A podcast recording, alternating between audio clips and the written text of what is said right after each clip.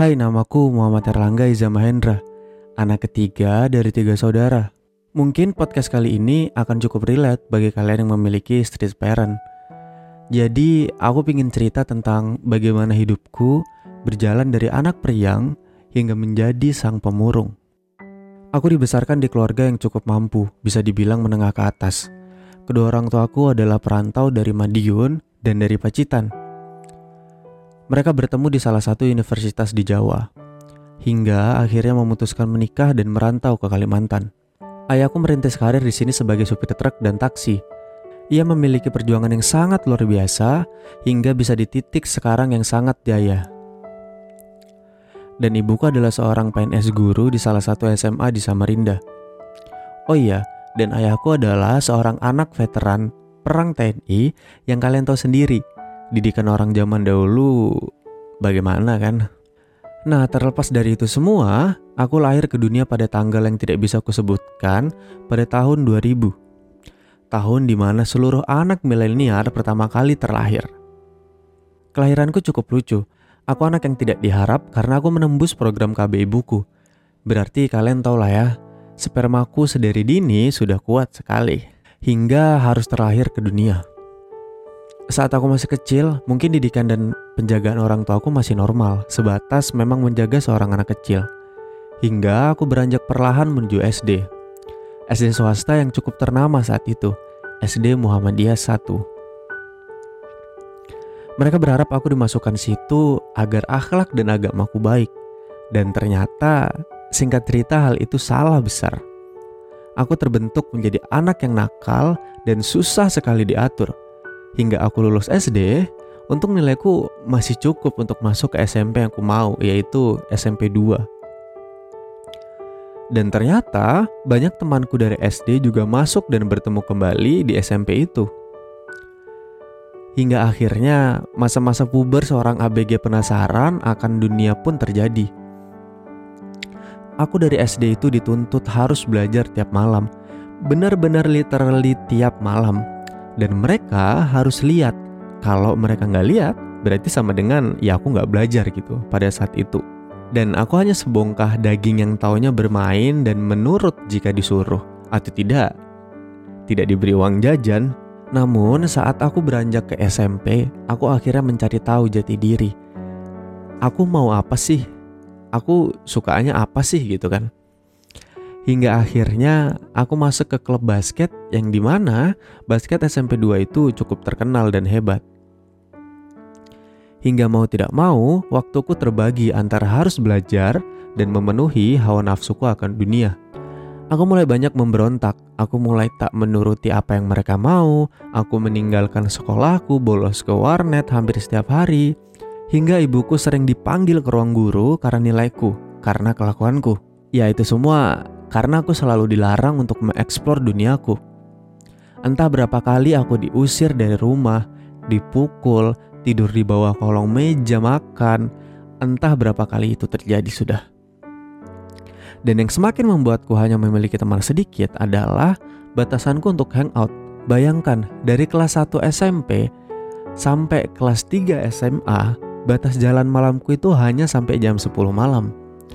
Sial kan? Itu bener-bener hal yang tidak wajar menurutku. Oke, kita lewati itu dulu. Tunggu sampai masa-masa SMA. Tapi sayangnya, saat itu aku SMP, aku bisa apa? Aku hanya bocah yang nggak tahu apa-apa itu street parent, apa itu mental health, aku nggak tahu tuh.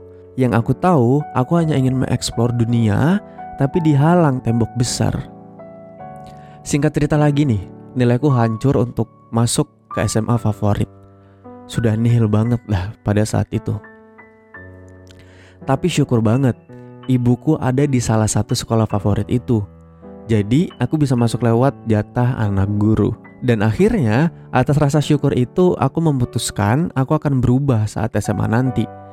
Di tahun pertamaku, aku memutuskan akan daftar OSIS nih dan menjadi ketua OSIS. Aku ingin ada di puncak untuk membuktikan pada semua orang bahwa aku mampu dan aku juga memutuskan untuk ikut klub basket di sekolahku itu.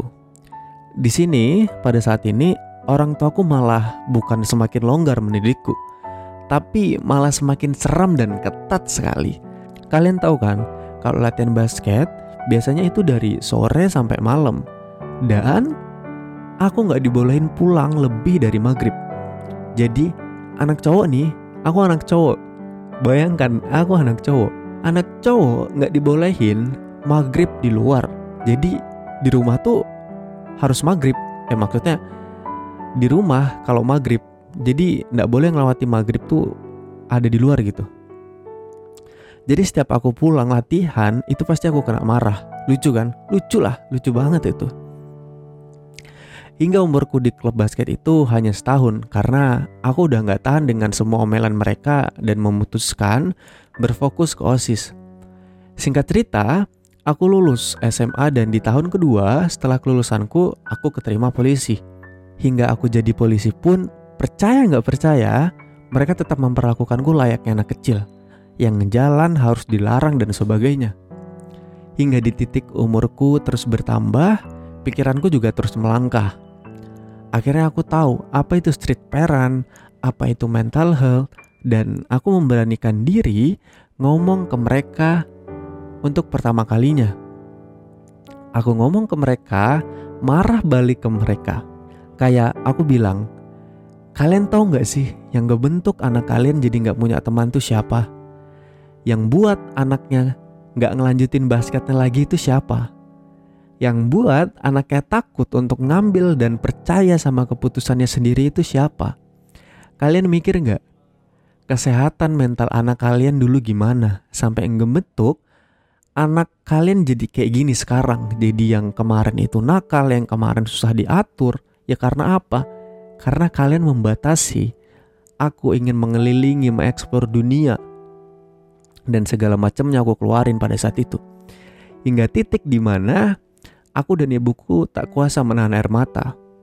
Namun, semua keluar, semua mencoba memberi pemahaman dan akhirnya selesai. Semua itu udah terlalui. Aku yang sekarang paham akan pentingnya kesehatan mental. Makanya, kalau ada teman-teman nih yang nanya ke aku kayak, "Kak, aku punya street parent nih, gimana ya uh, cara ngatasinnya, gimana mentalku segala macemnya?" aku tahu kak mental kalian pasti capek kan capek harus terus-terusan terkekang harus terusan jadi boneka bagi orang tua kalian pasti aku jawab kayak gini.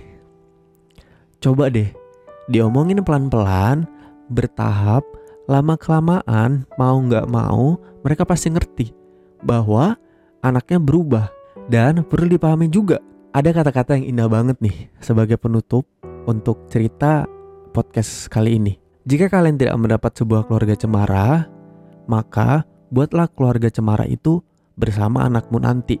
So guys, jadi semuanya itu adalah sebenarnya uh, waktu dan gimana kita mau memberi pemahaman pelan-pelan ke mungkin ke orang tua kita, mungkin ke pacar kita, mungkin ke teman-teman kita.